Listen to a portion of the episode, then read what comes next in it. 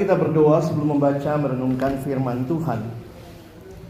Bapa di dalam surga, terima kasih banyak kesempatan seperti ini menjadi waktu yang indah bagi kami untuk memuji memuliakan namamu. Tidak semua sekolah punya kesempatan seperti ini. Tolong kami menghargai kesempatan-kesempatan beribadah yang kami miliki. Dan Tuhan tiba waktunya bagi kami untuk membuka firman-Mu. Kami mohon ya Tuhan bukalah juga hati kami. Jadikanlah hati kami seperti tanah yang baik. Supaya ketika benih firman Tuhan ditaburkan boleh sungguh-sungguh berakar, bertumbuh. Dan juga berbuah nyata di dalam kehidupan kami. Berkati hambamu yang menyampaikan dan setiap kami yang mendengar. Tuhan tolonglah kami semua. Agar kami bukan hanya jadi pendengar-pendengar firman yang setia. Mampukan kami dengan kuasa dari rohmu yang kudus. Kami dimampukan menjadi pelaku-pelaku firman-Mu di dalam hidup kami, di dalam masa muda kami. Bersabdalah ya Tuhan kami umat-Mu sedia mendengarnya. Dalam satu nama yang kudus, nama yang berkuasa, nama Tuhan kami Yesus Kristus. Kami menyerahkan pemberitaan firman-Mu. Amin. Shalom. Selamat siang teman-teman sekalian. Ada berita sedih katanya ini terakhir untuk kelas 12 begitu. Ada yang malah suka cita gitu ya, nggak kebaktian lagi gitu. Ada kesempatan yang Tuhan berikan dalam doa tadi saya katakan tidak semua sekolah punya kesempatan ibadah. Karena itu saya harap kalian menghargai waktu-waktu yang penting seperti ini ya. Kita bersyukur kepada Tuhan dan ini jadi kesempatan untuk terus membangun iman kita kepada Tuhan. Tema kita hari ini adalah tentang TGIF, Thanks God It's Family. Kita akan bicara tentang keluarga. Saya pikir tidak semua orang senang bicarakan keluarga. Kenapa? Karena pergumulan keluarga sering kali pergumulan yang tidak mudah. Oke? Boleh Alex tanya sebentar kepada teman-teman sekalian, saya minta kejujuranmu Karena saya tahu memang tidak ada keluarga yang sempurna. Kalaupun ada keluarga yang sempurna, begitu kamu masuk dalam keluarga itu langsung jadi nggak sempurna. Karena siapa? Karena kamu masuk gitu ya. Nggak ada keluarga yang sempurna. Tapi kita punya apa yang menjadi rencana Allah di dalam keluarga. Karena itu saya minta tolong, saya minta tolong kalian coba berpikir sebentar. Kalau skala 1 sampai 5 Satu itu tidak puas Lima itu puas Kamu menempatkan keluargamu Yang kamu ada sekarang di dalamnya Di nomor berapa? Jangan jawab dulu Pikir dulu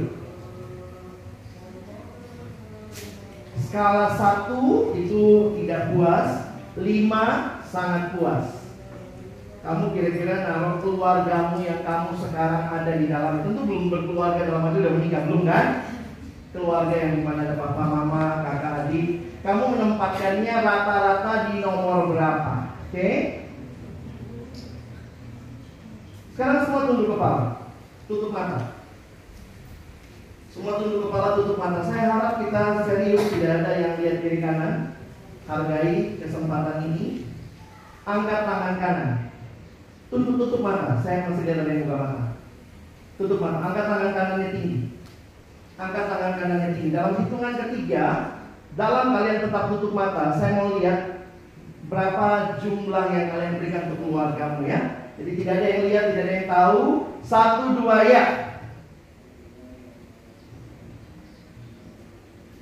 Tutup mata dong, tolong biar kalian sportif sama temennya. turunkan tangan. Saya nggak usah kasih tahu hasilnya ya, karena tidak perlu juga hasilnya itu untuk Alex tahu kira-kira kalian merasa puas atau tidak di keluargamu. Hari ini kita bicara thanks God it's family. Tapi tidak semua orang sekali lagi mensyukuri keberadaan keluarganya. Oke, saya mulai dari mana ya? Saya mulai dari rencana Allah saja ya.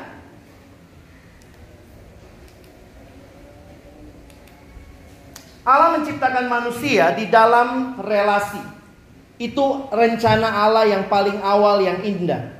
Kalau kalian perhatikan di dalam Alkitab, pertama kali ketika muncul kata tidak baik, itu dalam kejadian 2 ayat 18. Tidak baik kalau manusia itu seorang diri saja. Itu ayat bukan buat pacar-pacaran ya. Itu ayat menyatakan bahwa manusia sejak awal Allah cipta, manusia adalah makhluk sosial. Itu bukan teori sosiologi, itu apa yang Alkitab sampaikan. Jadi Allah ciptakan manusia di dalam relasi. Makanya manusia tidak ada yang tidak butuh orang lain. Makanya dari awal setelah Allah cipta semua baik, baik, baik, baik, tiba-tiba kejadian dua mengatakan tidak baik kalau manusia itu seorang diri. Jadi kalau teman-teman mau menghayati, mungkin kalau bilang, ah mendingan gue gak punya keluarga, gue hidup sendiri. Gak bisa. Itu teori goblok. Kenapa? Dari awal Allah sendiri merencanakan manusia pasti punya relasi. Dan relasi yang paling sederhana adalah keluarga. Ada yang tidak punya keluarga lahir dari batang pisang misalnya. Dulu aku soalnya pernah pergi ke pelayanan di satu daerah, ketemu dukun kampung. Dukun itu ini banget gitu ya. Kami panggilnya Mbah. Jadi Mbah itu kan kami di host di satu gereja, tiap hari datang gitu. Terus kemudian kan itu kami di kaki Gunung Merapi ya. Mbahnya itu, aduh saya bilang memang dukun ya tukang bohong juga gitu ya. Saya bilang tadi malam Mbah dari Merapi kita lihat ke sana nih. Gak mungkin banget gitu ya. Terus kemudian dia ngomong, Mbah nggak makan, nggak minum. Kan waktu kita bilang, Mbah makan, ayo ikutan gitu ya. Dia cuma hidupnya katanya muti, minum air putih sama ngerokok. Tapi waktu kita ajak makan mau juga. Tiba-tiba dia ngomong juga, Mbah ini nggak punya orang tua. Hmm, bohong. Terus dia, dia ngomong gitu, Mbah ini dari gedebong pisang. dari pisang. Bilang, aduh pisang satu ini. Itulah ya namanya bohongnya gitu ya. Nggak ada orang yang lahir bahkan kayak Mr. Bean langsung jatuh, langsung masuk di dunia nggak ada. Semua kita Tuhan hadirkan melalui kelu keluarga. Memang menarik sekali Allah kita mencipta. Hebat ya Tuhan kita ya. Allah pernah mencipta pria tanpa butuh wanita. Siapa namanya?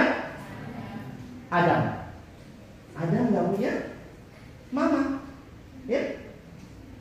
Tuhan pernah cipta wanita hanya pakai pria. Siapa namanya? Hawa. Memang Adam sama Hawa itu pria dan wanita yang paling berbahagia katanya ya. Kenapa? Gak punya mertua.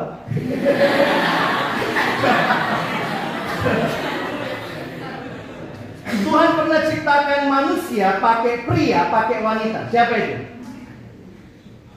Kita, siapa lagi? Kamu nggak pakai pria.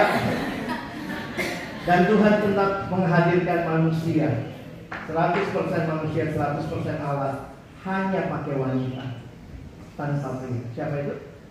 Semua probabilitas sudah dipakai Ya Kita probabilitas yang paling umum Pakai laki, pakai perempuan Jadi teman-teman tidak bisa tidak Kita punya keluarga Ada yang punya? Nggak ada kan? Karena itu, mari kita mengerti apa yang menjadi rencana Tuhan di dalam konteks keluarga ini. Kadang-kadang ini nggak mudah. Kalau kamu bilang Tuhan salah taruh saya di keluarga saya. Saya pikir sih dalam realita manusia yang sudah jatuh dalam dosa, itu akibat dari dosa. Bukan Tuhannya yang salah. Kadang-kadang ini cara pikir kita. Kenapa? Karena manusia sejak kejadian pasal 3 dosa pertama manusia selalu mau jadi Allah. Jadi coba perhatikan ketidakpuasanmu. Kadang-kadang di dalamnya ada unsur mau jadi Allahnya. Kenapa? Udah berdosa. Coba kalau itu yang papa saya. Kenapa? Kalian mau jadi Allah yang mengontrol siapa papamu, siapa mamamu. Ketika ada yang meneliti tentang medsos, Salah satu yang menarik dari media sosial adalah kenapa medsos kita sukai sekali karena kita playing God at the same time. Waktu zaman dulu misalnya ya Facebook, kita bisa mengontrol siapa yang kita mau follow dan siapa yang kita unfollow. Itu playing God juga secara tidak langsung. Bukan yang nggak boleh bermedsos ya, tapi itu ternyata di dalamnya. Jadi kalau kalian mau menjual sesuatu kepada dunia, jual aja permainan yang membuat manusia jadi Allah. Senang kan? Main game online gitu kayaknya kita yang kita yang mengontrol, kita yang jadi Allah, kita yang bisa nyusun dan segala macam termasuk di dalam medsos kita. Gua nggak mau follow dia. Gua mau follow dia. You create your own world and that is the heart of sin from the very beginning. Men and women want to be God. Termasuk kita nggak puas sama keluarga kita. Eh yang disalahin Tuhan, kurang ajar nggak Kadang-kadang gitu ya. Saya juga suka nanya gini ya, memang ini ini cara kita melihat Tuhan. Ini cara yang terdistorsi dosa. Jadi ini uh, satu waktu Alex diundang kebaktian persiapan ujian nasional. Sering gitu ya, ujian nasional kebaktian gitu ya. Mancing Tuhan, Tuhan berkati gitu. Eh, rajin aja datang PG tiap minggu gitu. Jadi waktu itu saya khotbah di kebaktian, kalau saya tanya sama anak kelas 12, kalau kalian lulus ujian nasional Tuhan baik, mau jawab baik.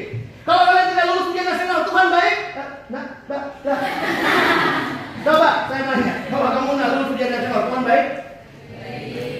Tuhan itu jadi baik tidak baik tidak tergantung pengalaman dan pergumulan kita. Ih, sadis banget kalau itu Tuhan. Dan kita tidak melihat Tuhan seperti itu. Kenapa manusia selalu mau jadi Tuhan?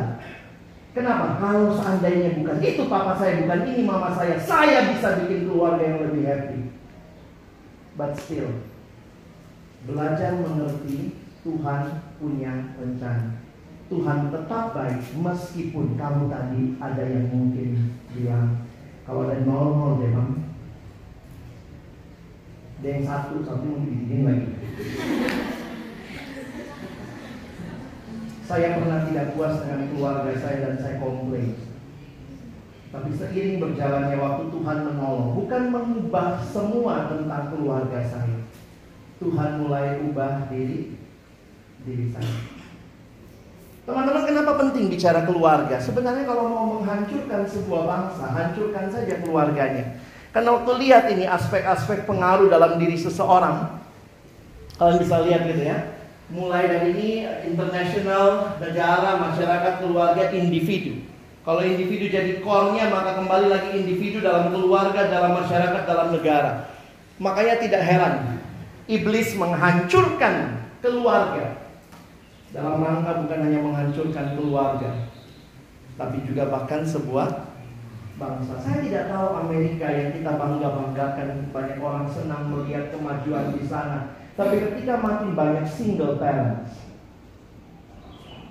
itu ancaman saya pikir ke depan bukan cuma ancaman masyarakat keluarga tapi bahkan negaranya.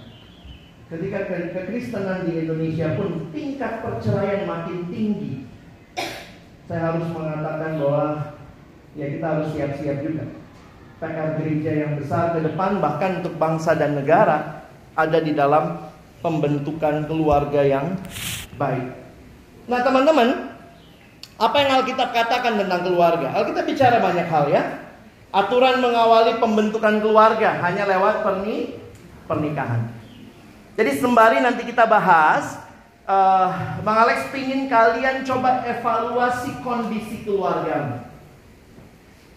Dari situ kalian akan lihat ini ini kata Firman, apa yang terjadi di keluarga saya. Dan kalau ada yang berbeda, itu PR-mu untuk berdoa dan memulai pembaharuan. Ingat jangan minta orang lain berubah. Yang paling mungkin adalah kamu yang ber berubah. Aturan mengenai peran orang tua kepada anak. Tentu saya harus katakan pasti juga ada masalah pergumulan dalam keluarga itu orang tua. Tidak semuanya tentang anak. Makanya kalau hari ini saya bahas khusus kepada peranmu, itu karena kamu memang punya peran. Nomor yang ketiga ya, peran anak ke orang tua. Jadi kalau saya ngomong kepada papa mamamu mungkin saya akan ngomong mengenai aturan orang tua kepada anak. Tapi jangan saling menyalahkan. Makanya papa gua, mama gua nggak seperti yang dibilang tuh. Ingat, pembaharuan mulai dari diri kita. Ya. Nah, beberapa ayat saya tuliskan di depan lah ya biar gampang kita bisa baca sama-sama. Ayat yang mengawali pembentukan keluarga di dalam Alkitab kita baca sama-sama. Satu dua ya. Sebab itu seorang laki-laki akan meninggalkan ayahnya dan ibunya dan keduanya menjadi satu daging. Mereka keduanya telanjang, manusia dan istrinya itu. Perhatikan, kitab kejadian mencatat awal mula segala sesuatu. Ada awal mula manusia, kejadian satu. Dan kejadian dua mencatat awal mula keluarga. Bahwa manusia akan meninggalkan ayah ibunya bersatu dengan istrinya menjadi satu daging. Ini memberikan konteks kepada kita bahwa hubungan seks hanya di nikmati di dalam relasi suami dan istri. Kekristenan menolak menolak premarital sex. Seks sebelum menikah. Jadi kalau pacaran jangan mikir sekalipun untuk nge-seks. Kenapa? Bukan itu tuntutan Allah untuk kamu menikmati pacaran. Tapi enak bang, enak bukan berarti boleh.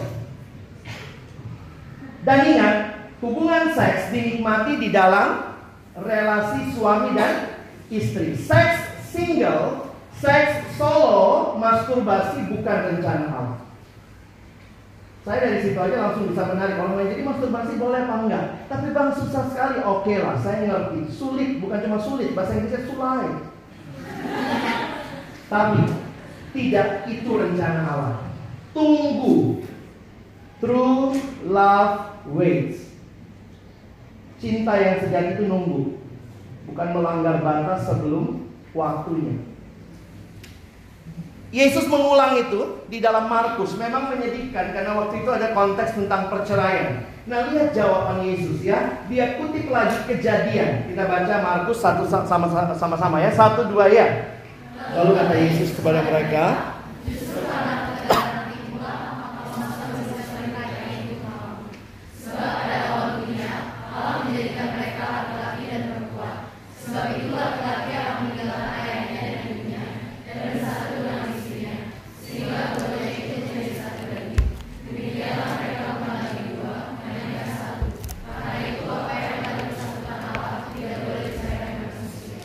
punya standar untuk keluarga.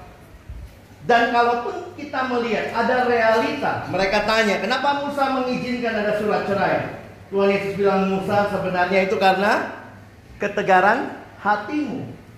Karena pada awalnya rencana Allah itu adalah rencana yang indah tanpa perceraian. Karena itu gereja Tuhan sampai hari ini menolak perceraian.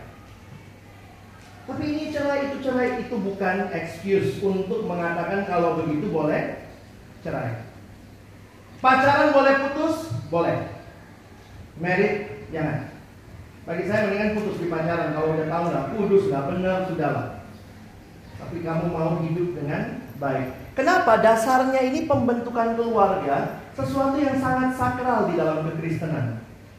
Jadi kalaupun kalian bisa melihat kondisi keluargamu, sekarang saya berharapnya begini. Kalaupun keluargamu belum bisa berubah 100% saat ini, itu jadi tanggung jawabmu waktu membentuk keluarga ke depan.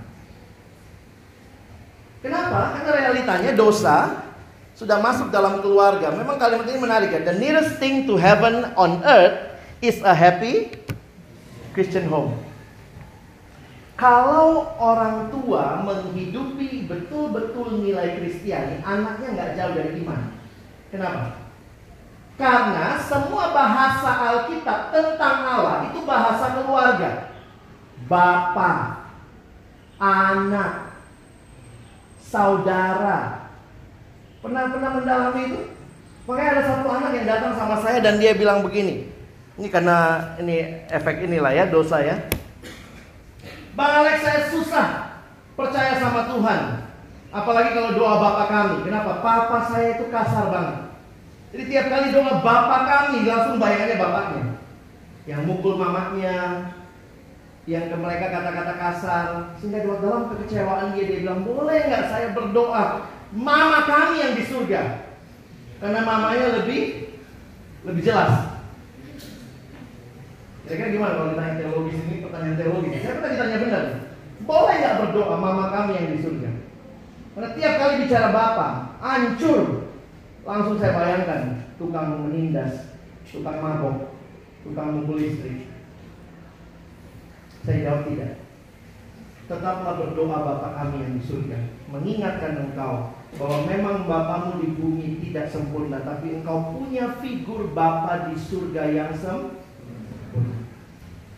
Teman-teman, saya cuma mau ingatkan, ketika engkau hidup baik-baik dengan peranmu dalam keluarga, sebenarnya itu cara membawa keluargamu kepada iman. Karena gampang sekali anak. Begitu bapaknya sangat mengasihi, dia datang sama bapak yang di surga itu gampang.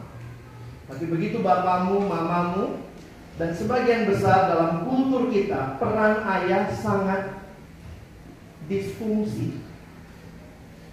Khususnya suku-suku mayoritas. Batak, Manado, Ambon, itu figur bapaknya agak kacau. Di suku-suku yang lain figur bapak ini memang banyak figur bapak ada bapak yang terlalu lemah sehingga mamanya terlalu dominan. Itu kita ketemu juga dalam figur-figur tertentu. Kasarnya saya pikir lucu ya, kita suku-suku yang dekat sama Injil tetapi kok justru tidak menghidupi itu. Seolah-olah itu cultural thing. Istri dijadikan keset kaki, maaf, melayani suami. Ada teman yang punya pergumulan dia bilang iya suami saya secara kultural nggak boleh siapin makanannya, harus istrinya yang siapin. Ini kultural atau penindasan kultur. Kalau lagi nggak sempat ngambil, masa nunggu di meja, padahal nasinya di depan. Nah ini kadang-kadang kalian bisa lihat ya, ada sesuatu yang orang bilang kultural, tapi sebenarnya bagi saya itu bahkan tidak kelihatan saling melayaninya. Tidak heran di dalam dosa, ini hal-hal yang terjadi ya. Our culture puts pressure on our family to violate God's word. Banyak keluarga tidak mendasarkan kepada Alkitab. Bahkan lebih kepada adat-adat istiadat. Yang belum tentu semua adat itu sesuai firman Tuhan. Bangun keluargamu bukan hanya berdasarkan adat. Sekali lagi saya tidak katakan adat harus dibuang semuanya. Ada bagian adat yang baik. Tapi pilah dan pilih yang mana yang baik, yang mana yang tidak. Ini keluarganya. Ini gambaran bahkan filmnya pun begini begitu ya.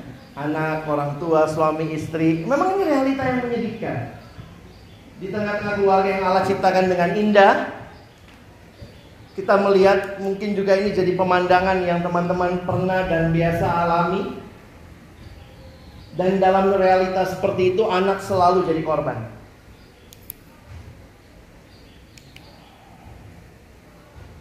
Ketika orang tua pisah, belum lagi beberapa yang mengalami abuse, disakiti, dipukul mungkin, atau dikasari dengan kata-kata. Yang saya harus katakan ini semua tidak mudah. Saya cerita satu cerita pengalaman kenapa saya ingat ini. Jangan dicari-cari ya. Ada satu anak yang pernah sharing sama saya tentang betapa mengerikan perilaku papanya. Nah, papanya baru meninggal bulan lalu. Tadi malam saya baca status Facebooknya, makanya jangan dicari ya. Nanti saya coba bacakan status Facebooknya ya. Tapi waktu dia sharing sama saya kira-kira 5-6 tahun yang lalu Sharingnya itu dia mengatakan saya jadi yang sharing sama saya, saya kenal mereka bersaudara karena semua dalam pelayanan. Saya kenal adiknya, laki-laki, eh, laki-laki paling tua. Tadi malam saya baca status kakak perempuannya. Ini kakak paling tua. Adik yang paling muda, eh, adik laki-laki yang paling tua itu dia cerita bagaimana papanya itu ternyata memang dari dulu kasar, tapi seiring bertambahnya usia nampaknya kena gangguan jiwa. Jadi ada kelainan jiwa suka menyiksa mamanya. Bahkan terakhir waktu enam tahun lalu dia sharing, dia bilang kakak saya yang kedua perempuan pun tidak berani tinggal di rumah, takut diperkosa sama bapak. Itu ngalamin situasi seperti itu. Mamanya berkali-kali lari, tapi kemudian dia balik lagi kalau sudah tenang. Tapi dia mengatakan, e, saya kalau boleh bang, saya pukul bapak saya, saya bunuh bapak karena dia lihat langsung papanya menyiksa mamanya. Dan ini dia cerita enam tahun lalu. Nanti saya cerita di akhir bagaimana Tuhan ubahkan dia. Ya. Nah, realitas seperti itu nggak nggak gampang teman-teman. Dan mungkin beberapa kalian ngalamin dalam keluarga. Kalau kalian tadi nilainya 4, 5, bahkan 3, saya pikir sih masih banyak hal yang bisa disyukuri. Tapi mari kita coba lihat lebih dalam. Apa rencana Tuhan? Saya melihat ini yang menarik. Ada relasi-relasi kita punya pengharapan akan pembaharuan relasi. Dan kenapa itu? Kita bisa mengalami pembaharuan relasi karena kita ada di dalam Yesus. Seringkali Tuhan tidak langsung mengubah semua yang jelek langsung jadi baik seperti membalikkan telapak tangan. Bahkan mungkin sampai selesainya cerita hidup ini kamu tidak alami kebaikan yang kamu harapkan. Tapi terus gimana? Apa yang bisa kita lakukan? Saya ingin mengajak kita memperhatikan relasi yang dibaharui dalam Kristus ini jadi pedoman kita membangun keluarga. Ayat kuncinya ada di Efesus 5 ayat 21. Kalian lihat ayatnya ya. Efesus 5 ayat 21. Kalau lihat urutannya nanti di Alkitab, sebenarnya kata kuncinya ada di sini. Kita baca sama-sama. Satu dua ya dan rendahkanlah dirimu seorang kepada yang lain. Saya menarik untuk memperhatikan kata rendahkanlah dirimu. Ternyata salah satu yang mengerikan di dalam dosa, dosa adalah membuat orang mau melalui relasi saling mengeksploitasi. Suami eksploitasi istri, istri eksploitasi suami, anak eksploitasi orang tua, orang tua eksploitasi anak. Dan itu bisa terjadi. Jadi kalau kalian mau doakan pembaharuan keluargamu, doakanlah hal ini terjadi. Supaya dalam setiap relasi ada pembaharuan. Di mana kalau dia alami takut akan Kristus, dia akan belajar merendahkan diri. Saya sudah menikah, istri cuma boleh satu ya. Kadang-kadang kalau lagi marahan, pengennya gini ya. Kalau lagi marahan itu natur kita yang dosa, Gue diemin deh, biar lu rasa. Nah, kalau menikah, punya anak, bisa jadi anak diajak memihak. Iya kan? Nah, itu papamu tuh, tuh papamu. Ini dalam hati suami lu. jadi akhirnya apa? Kita saling mengeksploitasi peran. Mengeksploitasi di mana kau rasakan apa yang aku rasakan. Bahkan ngajak pendukung, ada anak kayak Kau, kau anak papa, udah lama papa lah kamu. Gak usah, jangan minta tolong sama mama deh. Enggak. Papa bilang sini nak sini, hmm, memang jangan sama mama. Kerjanya belanja.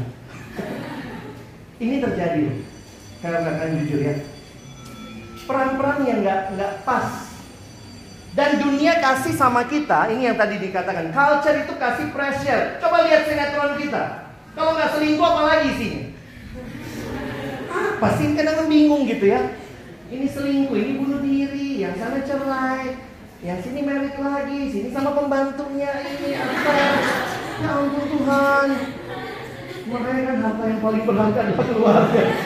Tiba-tiba kayak sinetron dulu waktu zaman saya kecil keluarga cemara tuh memberikan harapan gitu. Ada kok keluarga yang bisa baik. Bukannya tanpa pergumulan gitu. Kenapa? Karena kultur itu memberikan gini. Kalau lu ditindas, balas. Itu kan kultur. Sehingga kita pun banyak kali seperti itu. Diinjek kakinya, maunya injek apa? Kakinya dan kepalanya kalau Makanya waktu abang perhatikan di Alkitab, saya baru ngerti itu. Kenapa Alkitab begitu jelas? Mata ganti mata, gigi ganti gigi. Kalau kalian perhatikan itu bukan kekejaman. Hukum itu ada di perjanjian lama untuk membatasi keinginan manusia berdosa membalas dendam. Kalau yang rusak matamu, yang sana mesti ganti apa? Cukup mata, jangan mata, gigi, kepala. Uh, ya. Begitu, itu ternyata tujuannya itu. Kalau kalian belajar hukum itu namanya retaliation. Jadi ada pembatasan hukuman. Kita karena cuma lihat, ih ngeri kali ya, mata ganti mata. Enggak, poinnya jelas Tuhan kasih batasan. Kalau yang rusak gigimu sama dia, ketonjok gigi, ya udahlah giginya dia lah. Ya gigi papanya juga, gigi mamanya juga, gigi adiknya, itu adiknya juga, wah gitu ya. Mana apa-apa juga dibunuh gitu.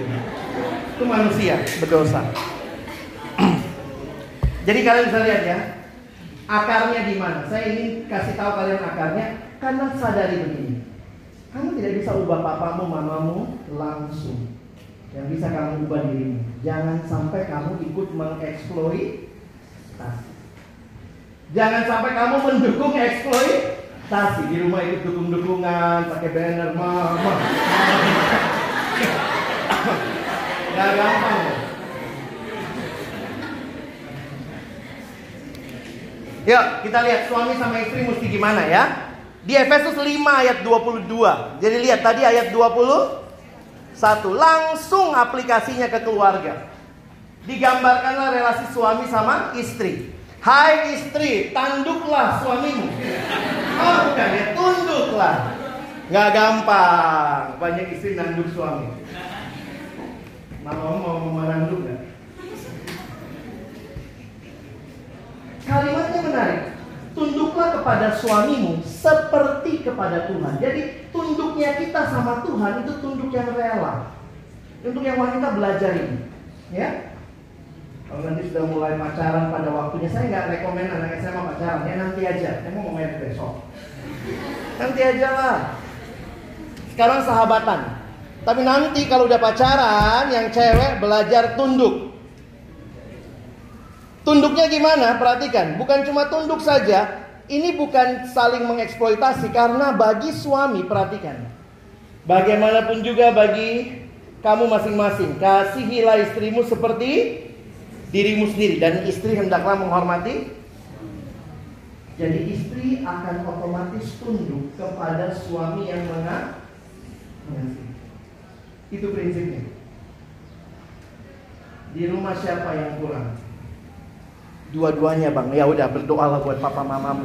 Yang satu sulit tunduk, sulit hormat, yang satu sulit mengasihi. Itu bisa jadi. Sehingga terjadi relasi yang saling eksploitasi. Kalau ada yang salah, yang satu teriak. Kenapa? Teriak untuk menyalahkan. Tuh kan, rasalah, kayak gitulah terus. Ikutin aja bosmu, apa yang dia mau.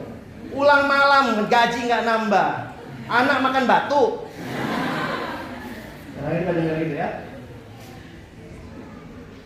Istri harusnya belajar Pak, sulit ya punya bos kayak dia Yuk kita berdoa buat dia Saya dukung Bang, nggak mungkin terjadi. Siapa bilang nggak mungkin? Kamu pernah nyoba? Kamu pernah ajak orang tuamu berdoa? Atau kamu mendukung? Iya ya mama, papa bodoh banget ya. Laki-laki kayak gitu. Kita nggak bakal cari pasangan kayak gitu. Teman-teman kita kita dalam broken family. You need to take your part. Tapi ini yang harus terjadi. Yang kedua, anak sama orang tua. Nah ini unik-unik juga ya. Hai anak-anak bagian kita taatilah orang tuamu di dalam Tuhan. Karena haruslah demikian. Hormatilah ayah dan ibumu. Dua kata kunci buat anak. Taat dan hormat. Kata kunci buat orang tua. Janganlah bangkitkan amarah. Nanti panggil papa mamamu saya langsung ini ya. Dan didiklah mereka dalam ajaran dan nasihat Tuhan. Sedikit saya mau kasih pemahaman. Kadang-kadang hal seperti ini di dalam keluarga Kristen pun terjadi domestikasi. Maksudnya apa? Seolah-olah yang urusan anak itu mama. Urusan luar itu papa. Di dalam Alkitab harusnya yang mengajar firman ke anak bukan mama. Papa. Agak kaget gitu kita ya. Hai bapak-bapak, waktu kamu duduk memang dalam budaya mereka wanita sedikit dianggap lebih rendah ya. Jadi ternyata kalau secara perjanjian lama kalau kalian lihat teksnya, wanita itu tujuannya kerjaannya di rumah ngasih anak makan. Itu aja. Tujuan mengajar itu jadi tujuan suami. Makanya kadang-kadang sekarang jadi kebalik ya. Cewek-cewek yang kayaknya rajin baca Alkitab, mama-mama gitu ya. Papa-papanya pokoknya Alkitab buka kejadian aja nggak tahu di mana. Dan banyak kali hal-hal seperti ini terjadi domestikasi itu urusanmu. Kalau anak kenapa-napa salahmu, mama. Nah sebenarnya keluarga yang baik, pria harus tahu peranannya, bukan peranan melulu di luar rumah, tapi di dalam rumah memberikan nasihat kepada anak. Cari pria yang bertumbuh, hai para wanita. Jangan cuma ganteng kerjanya bagus. Dia kerjanya minyak bang, nanti kan dikasih makan minyak.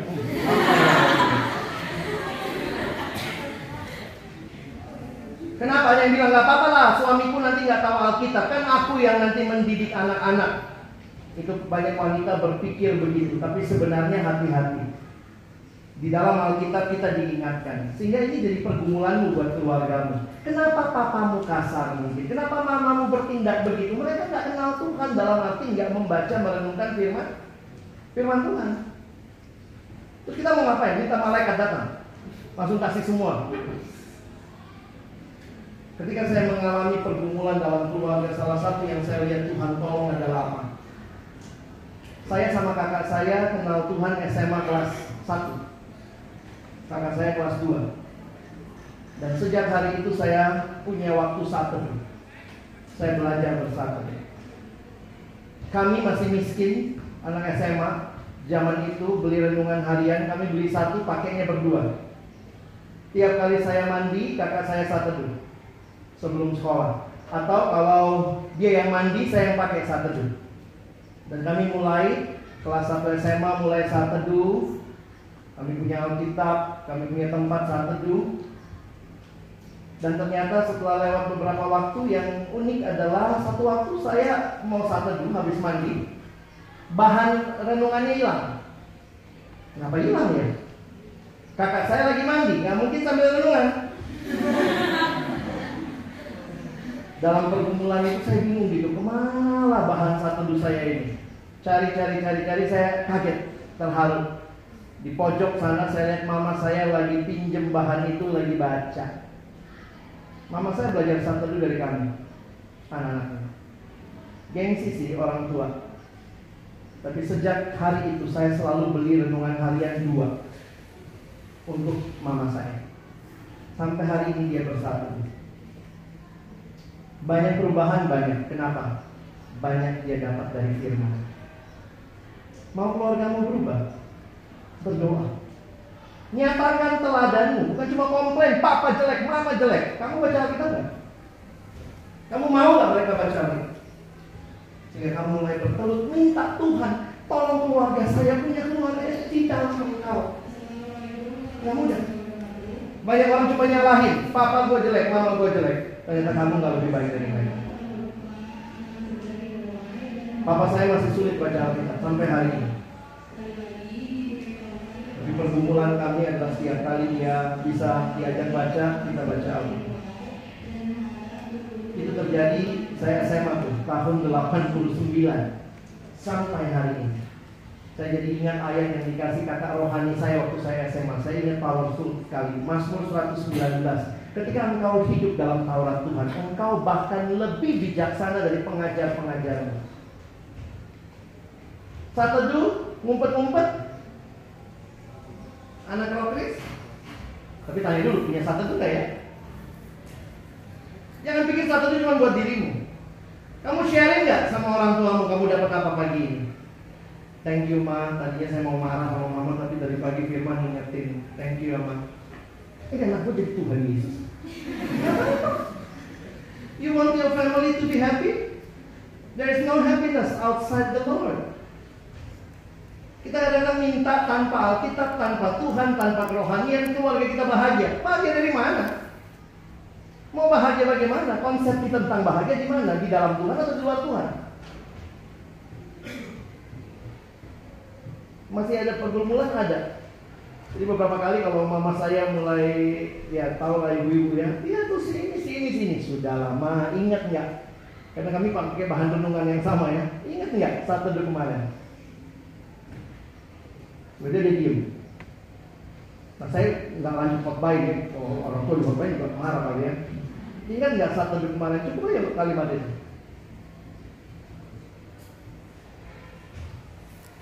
Boleh nggak nggak taat sama orang tua? Boleh? Boleh. Loh kok boleh? Kenapa? Karena kalimat ini disertai kalimat taatilah orang tuamu di dalam Tuhan. Jadi kalau orang tua kita sama Tuhan berbeda, siapa yang mesti diikuti? Tuhan. Ya? Tapi kalau orang tua kita sama sama Tuhan, ya ikutin orang tua dong, ikutin Tuhan sama kok. Ini ekstrim aja lah misalnya, ya. karena orang tua kita nggak semuanya sudah taat.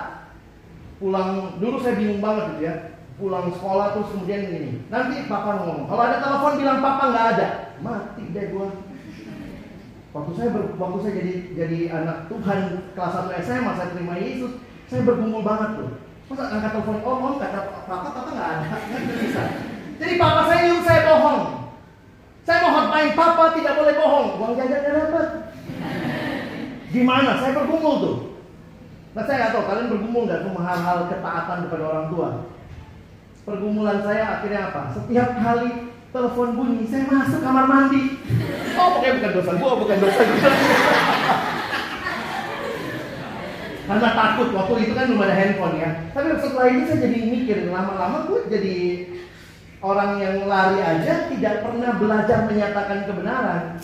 Jadi waktu lagi enak suasananya, saya tahu papa saya ini suasana lagi enak, saya bilang udahlah kalau nggak mau angkat nggak apa-apa juga, biar aja bunyi terus.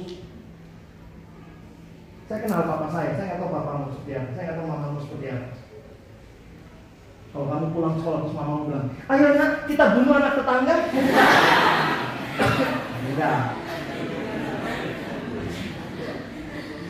Makanya waktu satu kali abang habis khotbah, datanglah satu anak datang sama saya ini di kampus ya. Dia bilang tadi, tadi bang Alex bilang nggak boleh nyontek ya. Iya dia nggak boleh. Kok kata mama saya boleh? Hah? Siapa mamamu? saya bingung. Kata mamanya boleh. Saya tanya, coba cerita. Lalu dia cerita. Ternyata mamanya bilang begini. Tahun ini papa pensiun. Kita nggak punya ongkos untuk kuliahin kamu. Kamu harus selesai semester ini. Lakukan segala cara yang penting lu lulus.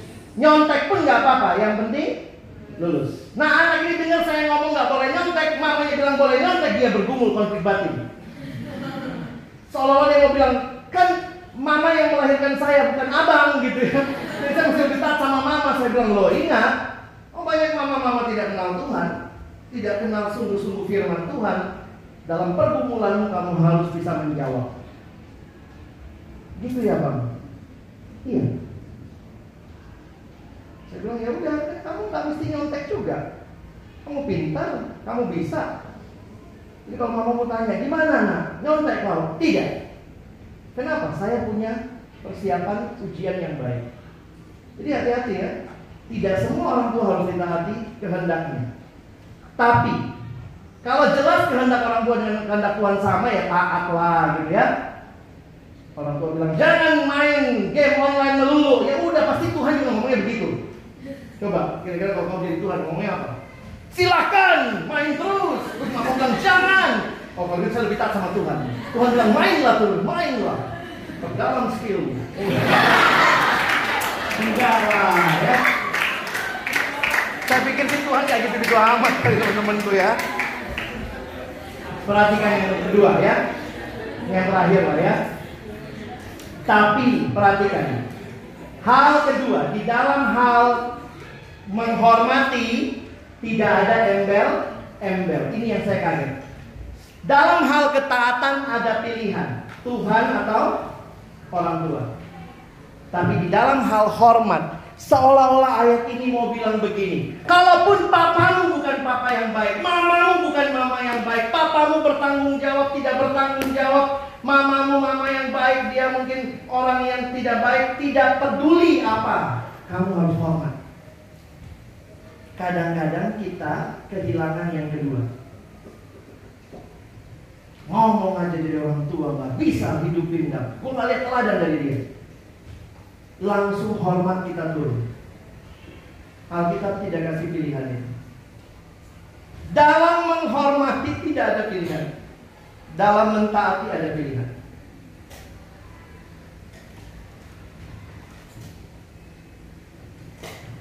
Kadang nggak mudah ya.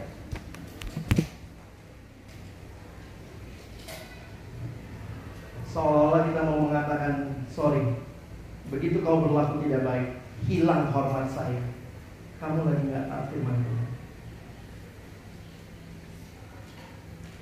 Gimana bang dihormati orang kayak begitu? Alkitab memberikan pilihan buat kita. Belajar menerima. Belajar menghargai. Lihat kasih Tuhan juga bisa berlaku buat dia. Kadang-kadang kita sudah melihat orang tua yang tidak tepat sesuai dengan yang kita mau langsung yang kita lihat penghakiman, penghukuman. Kita tidak lagi melihat anugerah Tuhan yang indah ada di situ. Keluarga di konteks Efesus waktu itu ada hamba juga. Jadi mana itu ayat ini lanjut sama hamba, relasi Tuhan hamba. Hamba taati Tuhanmu. Nanti kalian baca ya, saya nggak bahas lebih jauh. Lalu relasi Tuhan hamba dibahas sampai selesai. Sedikit di bagian akhir tentang hormati ayahmu. Saya coba gali, apa sih maksudnya? Gak gampang menghormati ayah dan ibu. Supaya lanjut umurmu. Ini satu-satunya dari sepuluh perintah Allah yang ada janjinya. Pernah perhatiin itu? Semua kan cuman hormatilah uh, ingat dan kuduskanlah hari sabat, jangan mencuri, jangan membunuh. Tapi khusus untuk perintah ini ada janji yang menyertai. Hormatilah ayahmu dan ibumu, suatu perintah yang penting seperti yang nyata dari janji itu. Paulus pun ngutip lagi ada janjinya. Apa janjinya? Honor your father and mother, this is the first commandment with a promise. Kita lanjut sebentar lah ya. Honor means to treat someone with proper respect due to the person and their role. Even though they don't really fulfill their whole role. Tapi belajar menghargai, menghormati mereka. Nah, dalam kaitan dengan orang tua, ada dua hal yang bisa kita pikirkan. Treating them with humble submission and respect. Tetap hormat. Boleh dipukul nggak? Papa gue kurang ajar banget. Huh. Itu yang anak ini cerita. Kalau bisa bang, saya bunuh dia. Kaget saya ada ayat begini. Ayo yang suka, suka pukul papanya, mamanya, yuk baca ya satu dua ya.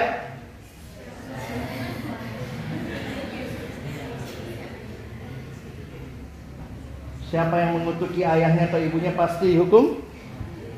Memang sih perintah perjanjian lama banyak hukuman mati, hukuman mati ya. Kita bilang, ah kemarin gue maki-maki bapak gue, lu juga nggak dihukum mati. Belum. Tuhan sebenarnya serius dengan perintah, ya. Yang kedua, jadi poin saya hati-hati, kalaupun kayaknya Tuhan tidak menghukum, sebenarnya Tuhan mau kasih kesempatan kamu untuk bisa hormati mereka. Yang kedua, providing for them and looking after them in their old age. Saya pikir ini juga jadi satu hal. Memasukkan orang tua ke rumah jompo itu bukan pilihan sebenarnya buat orang Kristen. Situasi tertentu oke, tapi itu bukan situasi normal. Kenapa? Perhatikan ya. Coba lihat 1 Timotius 5 ayat 4. Satu dua ya.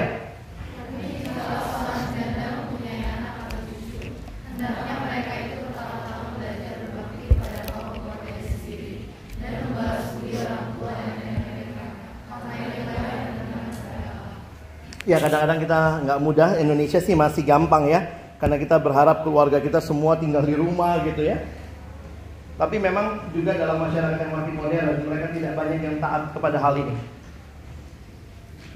Buat saya tidak masalah memberi menaruh orang tua di rumah jompo Karena anaknya kerja, karena nggak ada ngurus Tapi yang jadi masalah adalah Seberapa sering ditengok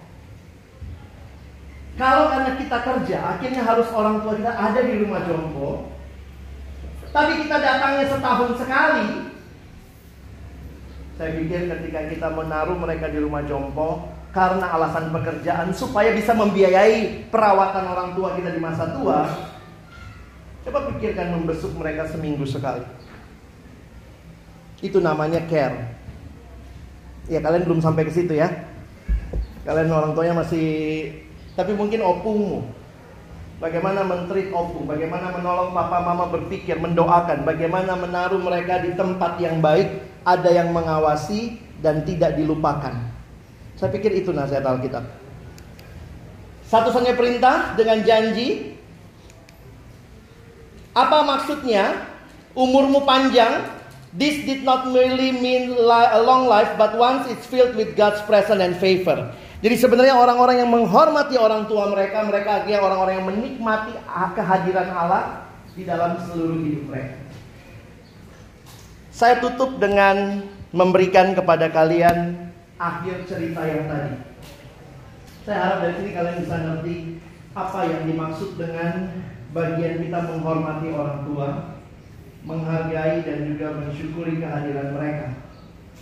Kadang-kadang di keluarga kita tidak puas sama Tuhan karena kita menuntut. Itulah tuntutan manusia dalam dosa. Apa yang keluarga ini harus kasih buat saya? Kenapa papaku seperti itu? Dia nggak kasih apa yang saya harusnya dapat. Tapi kalau kamu sudah dibaharui dalam Kristus, kamu berpikirnya berbeda. Tuhan, papaku memang bukan papa yang baik. Tapi ini kesempatan aku bisa mengasihi dia. Beda ya perspektifnya. Seorang kakak TPS di Depok ini, saya nggak tahu dulu universitasnya SMA berapa ya. Ketika ayahnya meninggal, dia tulis satu kalimat di Facebook yang sangat menggetarkan hati saya. Waktu itu papanya meninggal kira-kira bulan Oktober cukup mendadak, memang sakit lalu mendadak meninggal. Lalu kemudian dia tulis status Desember. Saya ingat banget statusnya bulan Desember. Ini Natal pertama tanpa papa. Tapi ini Natal pertama papa sama Tuhan Yesus. Ketika ada satu anak datang kepada saya di satu retret sekolah dan dia komplain tentang papa mamanya, Anak itu bilang, mama gue cerewet banget kak, begini, begini, begini, begini, begini. Saya ceritain status teman itu. Memang mamamu bukan mama yang sempurna. Cerewet banget. Tapi kalau sampai satu waktu, mungkin kamu akan minta, Tuhan saya pengen dengar mama yang cerewet. Tapi dia udah nggak ada lagi. Tuhan saya ingin dengar dimarahin papa Tuhan. Tapi mungkin dia udah nggak ada. belajar melihat ini kesempatan yang still Tuhan kasih di tengah ketidaksempurnaan orang tuamu untuk kamu belajar mengasihi mereka. Semua yang aku mau mereka nggak ngerti. Oke, tapi apakah semua yang mereka mau kamu ngerti? Tunggu sampai jadi orang tua, kamu jadi ngerti. Kenapa semua yang gue suka nggak boleh? Tapi nanti ada waktunya kita kangen. Marahin gua, mak, marahin gua. Di depan jenazah kamu nggak bisa minta dia melakukan sesuatu buat kamu. You are still alive. They are still alive. Now it's your time to do something from God for them.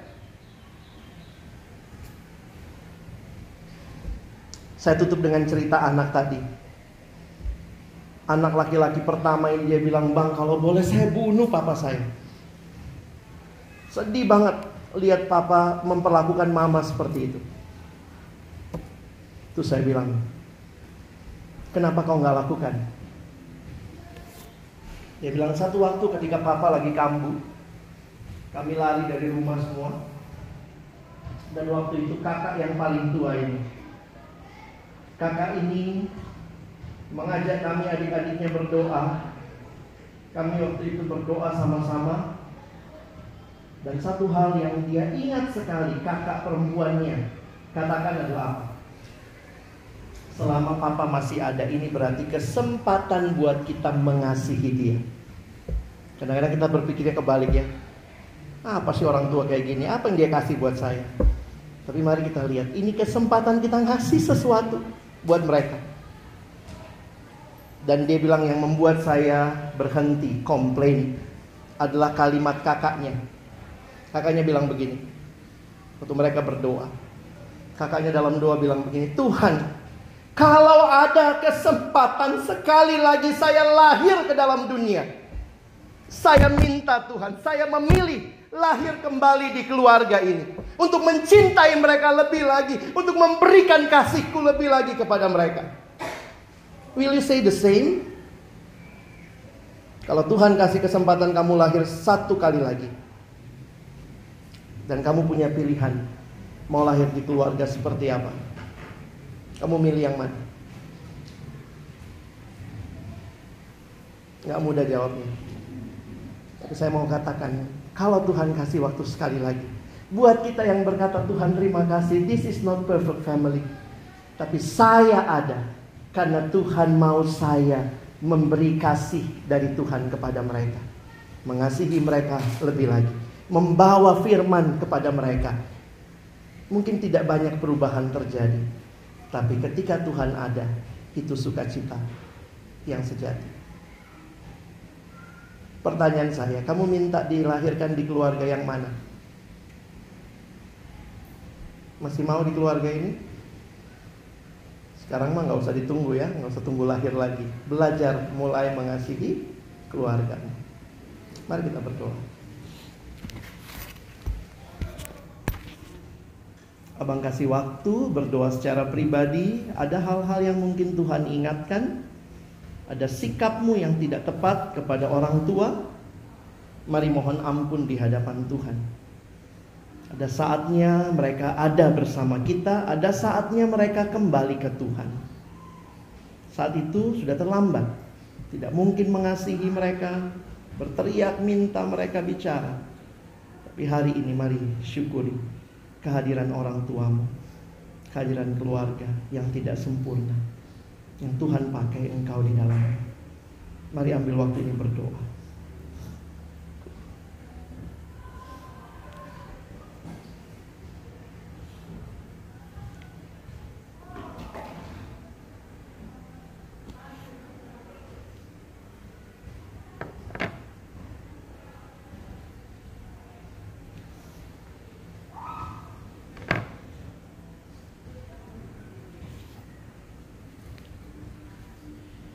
Terima kasih kalau kami punya keluarga yang mengasihi Tuhan dan mengasihi kami.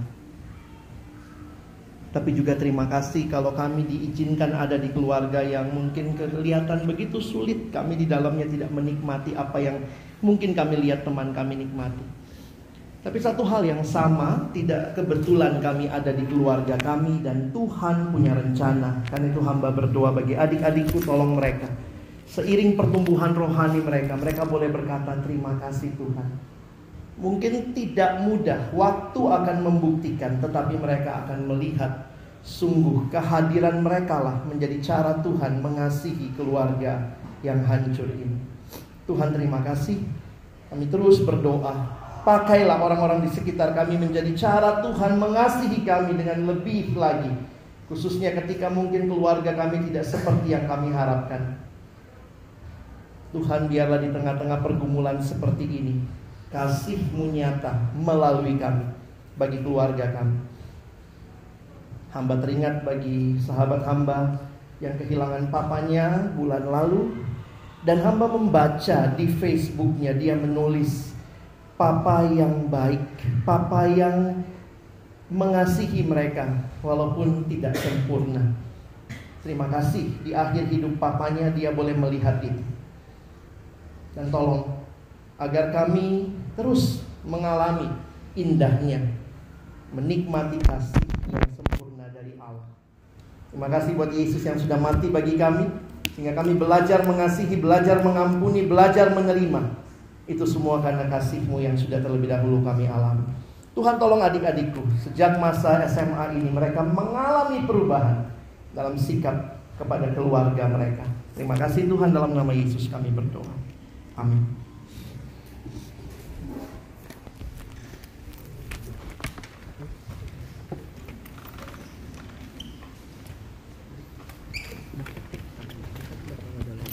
Bapak terima kasih Iya. ya. Nah itu nanti abang pas sudah selesai doanya boleh kayak bilang dulu ke jemaat biar kita nyanyi gitu. Oke. Nanti aku kalau sekali. Sekalian. Oke.